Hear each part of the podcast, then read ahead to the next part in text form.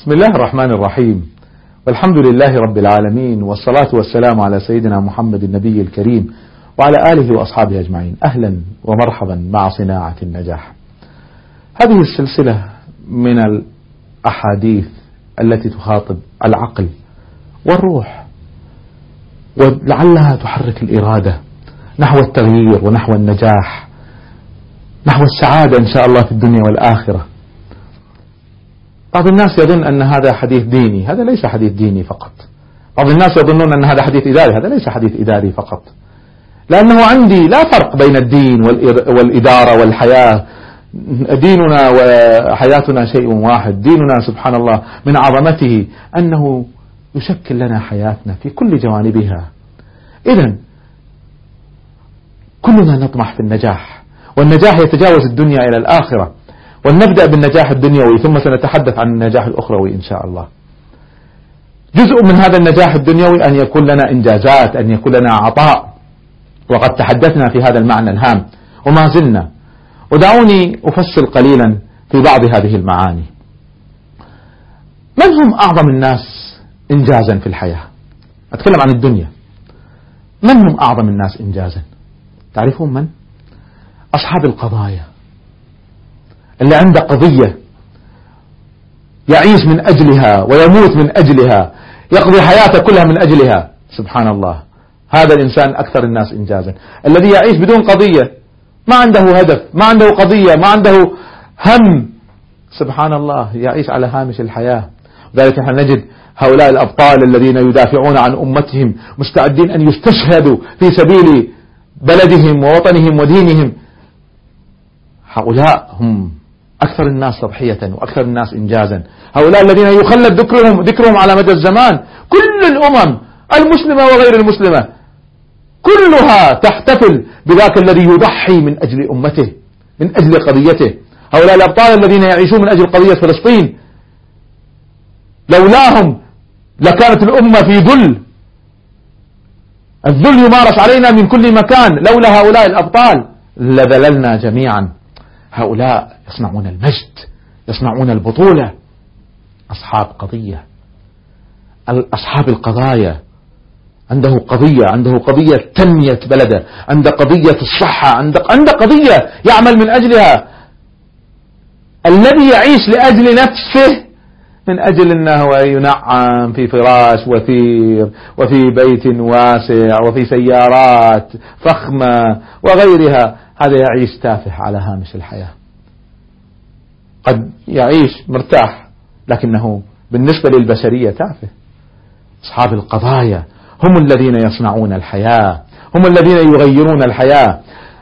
إذا كل ما كان عند الإنسان هدف وكل ما كان هذا الهدف بحد ذاته سامي ليس عنده هو فقط لكن عند الناس وعند البشر وعند الله عز وجل. وهو الأهم كل ما كانت حياة الإنسان أسمى. الذي يعيش لنفسه يعيش على هامش الحياة. الذي يعيش لأمته الذي يعيش لقضيته الذي يعيش لأجل تحدي يريد أن ينجز. هؤلاء هم الذين يصنعون المجد ويصنعون الحياة ويصنعون النجاح. إذا فكرنا في هذا المعنى. عندها ستبدأ تتضح ملامح الحياة.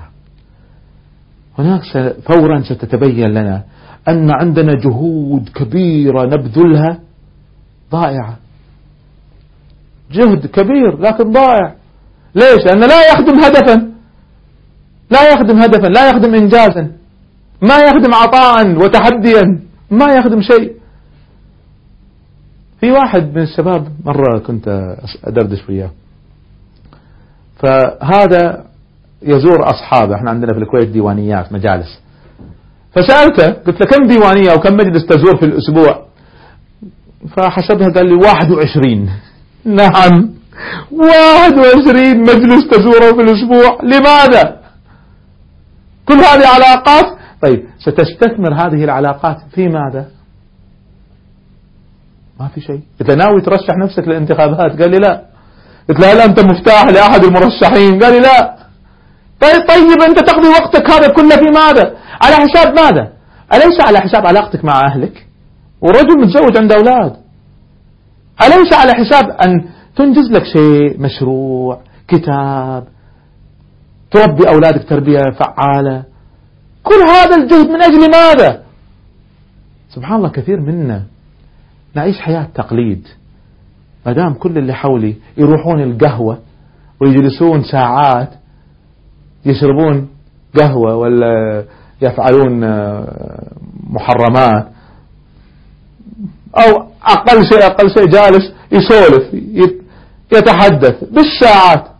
ما الإنجاز العظيم الذي حققته لدينك أو دنياك يا سيدي الكريم بجلستك هذه؟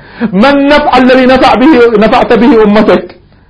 ما الأثر الذي تركته في الحياة بمثل هذه التصرفات؟ مر الإمام الشافعي رحمه الله على شباب هو طالع في الصبح من بيته مر على شباب يلعبون الشطرنج. في نهاية النهار بعد صلاة العصر مر وإنهم ما زالوا يلعبون الشطرنج. فسألهم قال ما زلتم على جلستكم هذه منذ الصباح؟ قالوا نعم. فقال كلمة عجيبة وجميلة بل صارت بالنسبة لي شعارا قال إني لأبغض الرجل. يكون مشغولا في أمر لا ينفعه في دينه ولا ينفعه في دنياه. ما هي الفائدة العظيمة التي تحققت لهذا هؤلاء الشباب؟ اللي مشغولين بسوق ولا سينما ولا إنترنت. 80% من وقت الشباب اليوم على الإنترنت محادثات. ما هي الإنجازات ولا الفوائد ولا العلم ولا التنمية ولا بناء الشخصية الذي تحقق لهذا الإنسان بهذه الساعات الطويلة؟ لا نفعه لا في دينه ولا نفعه في دنياه. جهد ضائع كثير من الناس يعيشه هكذا تعطل الحياة. هكذا تصبح الحياة بلا إنجازات بلا عطاء بلا ثمار. والذي ليس عنده ثمار ليس عنده إنجازات عطاء إنسان فاشل. لا يمكن أن يتحقق النجاح إلا ومعه معادلة مهمة جدا اسمها الإنجاز في العطاء. تحتاج إرادة وتحتاج استثمار للوقت. دقات قلب المرء قائلة له. إن الحياة دقائق وثواني. فارفع لنفسك بعد موتك ذكرها. فالذكر للإنسان عمر ثاني. إذا حتى ننجح وننجز لابد أن تتضح أهدافنا تتضح مشاريعنا. لابد أن نستثمر أوقاتنا. ما تضيع الحياة سدى. الإنسان يتمنى يوم القيامة لو يرجع يوم واحد يوم واحد بس. يوم واحد لعلي أعمل صالحا فيما تركت. كلا ما في حتى يوم ما يرجع ما في. انتهت. إما أن تنجز الآن أو راحت عليك. إنها كلمة هو قائلها. يتمنى هذه أماني. لن يتحقق ما في أحد يرجع. لابد أن تنجز الآن. كلنا يعرف أنها مزرعة الدنيا هذه مزرعة. لابد أن نستغلها لابد أن ننجز قدر ما نستطيع. هذا المعنى المهم نريد أن نبلوره بشكل أكبر. فنضيف له معنى آخر في منتهى الأهمية. أنا أسميه التوازن. معنى التوازن. أن يكون الإنسان متوازنا في كل حياته. متوازن بين الروح والعقل والعاطفة والجسد. متوازن بين العطاء البعيد والعطاء القريب. دعونا نركز على هذا المعنى قليلا. بعض الناس يعيش عنده أحلام وأماني وخطط. أنا إن شاء الله راح أصل كذا وأسوي كذا وأعمل مشروع الفلاني وسأحقق الشركة وسأنتج كذا وسأكتب كذا وناوي. وقاعد في الأحلام. مرة احتكيت من واحد الشباب. مصطلحات يجمع مصطلحات ويجمع أقوال ويجمع وظل سنين بس يجمع. طيب وبعدين؟ أنا ناوي أكتب. يا رجل أكتب لك شيء. المشكلة عندنا مشكلة كبيرة جدا أنه إحنا أحيانا لا ندري متى سينتهي هذا العمر. فإذا ظل الإنسان فقط في الأماني ما أنتج شيئا. مرة واحدة من الأخوات سمعت بعض كلماتي فتأثرت فقالت دكتور والله كلامك أثر في وأنا ناوية أتحجب وألتزم بدين الله عز وجل وأتقرب إلى الله عز وجل وأحج. بس يصير عمري أربعين سنة. فضحكت قلت لها ما في مشكلة بالعكس أمر طيب جدا. وما في مانع تأجلي الحج وتأجلي الحجاب وتأجلي الصلاح والالتزام بدين الله وتظلين بدون يعني صلاح. إلى أن يكون عمرك أربعين سنة. ما في مشكلة. بس بشرط. لا تموتي قبل ما يصير عمرك أربعين سنة. يعني كل يروح راح عليك كل حاجة. ما دام إحنا ما نعرف متى سنموت متى سينتهي عمرنا. إذا لابد أن ننجز الآن قبل أن لا يكون عندنا وقت. ينتهي العمر. العمر سبحان الله قد ينتهي فجأة. مرة شفت واحد من ما شاء الله النشيطين. فواحد آخر ينصحه. يقول له يعني يا فلان تعبت نفسك خفف شوي. لا تتعرح ارتاح شوي. فكان جوابه جواب عجيب لطيف. قال تعرف ليش أنا ما أرتاح؟ وقاعد أحاول أنتج أكبر كمية بأسرع وقت. قال ليش؟ قال له أولا أنا ما أدري متى عمري ينتهي. فلو ريحت الآن وانتهى عمري راحت علي. صح ولا لا؟ فكروا معي. إنسان يؤجل بعض أعمال الخير ولا بعض المشاريع الطموحة ولا كذا وينتهي عمره وهو لم يفعل شيئا. أنا بسألكم هؤلاء الذين في المقابر من فيهم أنهى كل أعماله؟ مات وقد أنجز كل ما يريد وما عنده أي مشاغل. فيهم واحد؟ سبحان الله ما في واحد ينتهي من مشاغله. يعيش ابن آدم ويكبر معه الأمل. طبيعة البشر هذه طبيعة البشر. فإذا كل ما أنجزت كمية أكبر الآن أفضل. ثم قال كلمة ثانية. قال أعداء الله عز وجل أعداء أمتنا مرتاحين ولا شغالين؟ قال لا طبعا شغالين. قال تريدني أن أرتاح وأعداء الأمة شغالين؟ شوف هؤلاء يفهمون الحياة بطريقة تختلف عن باقي الناس. الذين يعيشون على هامش الحياة يعيشون لأنفسهم. قال لا أنا ما أرتاح لأن عمري مو بعد يوقف. لو العمر وقف وريح شوية سأوقف أنا أريح وياه. العمر شغال. شيء ثالث مع الأيام مشاغلي تزداد ولا تقل. طبيعة الإنسان لما يكبر تزيد مشاغله ولا تقل. طبيعة الإنسان بشكل عام بشكل عام في استثناءات لكن بشكل عام مشاغله تزداد. طيب إذا خلينا أنتج الآن قبل ما أنشغل فيما بعد. أيضا الإنسان لما يكبر نشاطه وقوته وجسده يضعف ولا يقوى؟ في الغالب مع الأيام سيضعف. طيب أنا أنتج وأنا نشيط وقوي أحسن ولا أجلها لما أصير ضعيف؟ كل شيء يدفعنا إلى أن نستعجل في الإنجاز نستعجل في العطاء إذا فهمنا هذه المعاني. أنا تحدثت كثيرا عن أن الإنسان يكون عنده طموحات يكون عنده آمال يكون عنده مشاريع يخطط لحياته ماذا يريد أن ينجز قبل أن يموت. هذه كلها معاني جميلة جدا. لكن وازنوها معنى التوازن أن الإنسان يكون عنده أهداف بعيدة المدى وعنده كذلك أهداف قريبة المدى. هذا التوازن بين القريب بين العطاء القريب والعطاء البعيد بين الأهداف والطموحات وبين الإنجازات الفورية. لا تعيشوا في عالم أحلام وطموحات وآمال ومشاريع ولا إنجاز الآن. وأيضا لا تعيشوا في عمل دوامة يومية بدون طموحات. بدون الطموحات والأهداف لا نحدد مسار حياتنا وبدون الإنجازات اليومية لا عطاء. مجموع الإنجازات اليومية هو الذي يحقق لنا العطاء.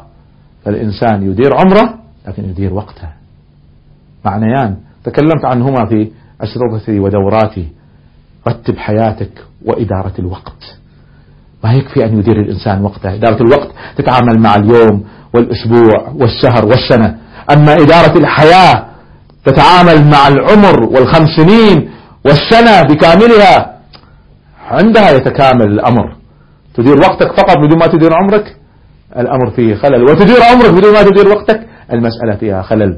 فإذا جزء أساسي من عملية الإنجاز التوازن بين العطاء القريب والأهداف الطموحة البعيدة.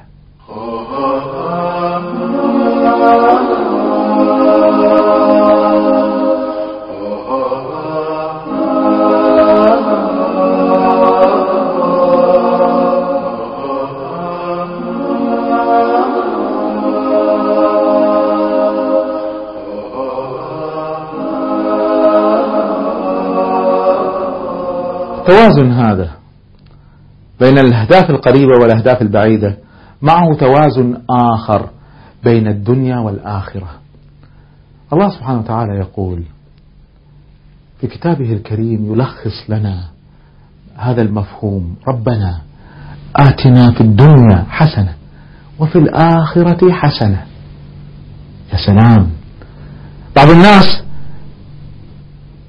تغلبت عليهم مشاعر العبادة والروحانيات والصوفيات. فاعتزلوا الدنيا. وطبعا هذه في هذه الأيام هم قليل جدا. أكثر الناس غرقانين في الدنيا. لكن بعض الناس غرقوا في الآخرة. أيضا هؤلاء مخطئون. التوازن هو أنه الإنسان يوازن بين الدنيا والآخرة كذلك. لكن عمر رضي الله عنه لما مر على رجل معتكف في المسجد لا يخرج.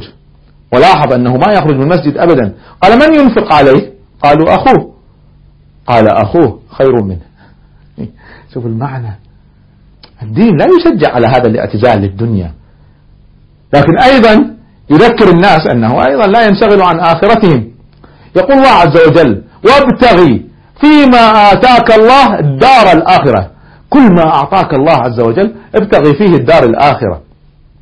ماذا أعطاك الله؟ مال ابتغي فيه الآخرة. صحة ابتغي فيها الآخرة. عقل أهل قدرات ابتغي فيها الآخرة. ولا تنس نصيبك من الدنيا وأحسن كما أحسن الله إليك. يقول أحد العلماء عن هذه عن هذه الآية يقول الله سبحانه وتعالى طلب من المسلمين أن يكون كل هدفهم الآخرة. ابتغي فيما آتاك الله الدار الآخرة. وخشي أن ينشغلوا بالآخرة عن الدنيا فذكرهم بها ولا تنس نصيبك من الدنيا. أما اليوم فالناس مشغولة بالدنيا ويبتغون في كل ما آتاهم الله عز وجل الحياة الدنيا فيحتاجون من يذكرهم بالآخرة. لا تنس نصيبك من الآخرة. قلبوا الآية. خلاصة التوازن بين الدنيا والآخرة في معنى جميل. ومهم وأساسي أننا يجب أن ننتج ونعطي قدر ما نستطيع في الدنيا لنفع أنفسنا وأهلنا ومجتمعنا وبلدنا وأمتنا. وننفع البشرية هو الذي أنشأكم في الأرض واستعمركم فيها. عمران الأرض هدفنا. وفي نفس الوقت هدفنا أن نتذكر أننا قد نموت في أي لحظة. فلا بد أن نبني آخرتنا. هذا الأمر الجميل. يلخصه لنا أمير المؤمنين الإمام العظيم من أعظم عظماء الإسلام علي بن أبي طالب رضي الله عنه وكرم وجهه في قوله الجميل. قال أمير المؤمنين علي بن أبي طالب رضي الله عنه وكرم وجهه اعمل لدنياك كأنك تعيش أبدا. واعمل لآخرتك كأنك تموت غدا. ما أجمله من قول اعمل لدنياك كأنك خالد. عندك مشاريع قد تحتاج لها خمسين سنة إلى الأمام وعندك طموحات عالية جدا وعندك يعني إنتاجات تخطط لها وعندك فراق كأنك خالد. اعمل لدنياك كأنك تعيش أبدا واعمل لآخرتك كأنك تموت غدا. لو الإنسان استشعر أنه قد يموت غدا كيف سيعمل؟ لو أنت أختي أنت يا أخي أنت يا بنتي وأنت يا ابني لو قلنا لك لا سمح الله لا سمح الله إن شاء الله يعني بعيد عنكم لكن أخبروك أنه خلاص 24 ساعة. باقي لك. ماذا ستفعل. بالله عليكم. فكروا معي بهذا. لو باقي 24 ساعة ماذا ستفعلوا هل ستفعلوا ما تفعلونه الآن؟ هل ستتغير حياتكم أم لا؟ هل ستعيشوا بطريقة مختلفة؟ هل راح تناموا ال 24 ساعة؟ ولا تنتجوا وتخلصوا بعض القضايا المهمة وتتعبدوا الله عز وجل وتتوبوا إليه وترجعوا؟ ماذا ستفعلوا. طيب إذا كان هذا صحيح بالله عليكم. من فيكم يضمن أن يعيش أكثر من 24 ساعة؟ في أحد؟ كلنا يحفظ من القصص العشرات والأمثلة في من حولنا كيف بعض الناس فجأة شباب في عز العمر في زهر عمر الزهور راحوا. فيكم حد يضمن؟ إذا ما كنا نضمن سبحان الله العاقل كيف يتصرف؟ إذا ما نضمن ذلك. كيف يجب أن نعيش حياتنا؟ حياة إنتاج دنيوي وأخروي. اعمل لدنياك كأنك تعيش أبدا واعمل لآخرتك كأنك تموت غدا. هذه خلاصة التوازن بين العطاء القريب والأهداف البعيدة. هذه أحد معاني النجاح في العطاء وهناك المزيد في حلقة قادمة إن شاء الله مع صناعة النجاح. شكر الله لكم. السلام عليكم ورحمة الله وبركاته.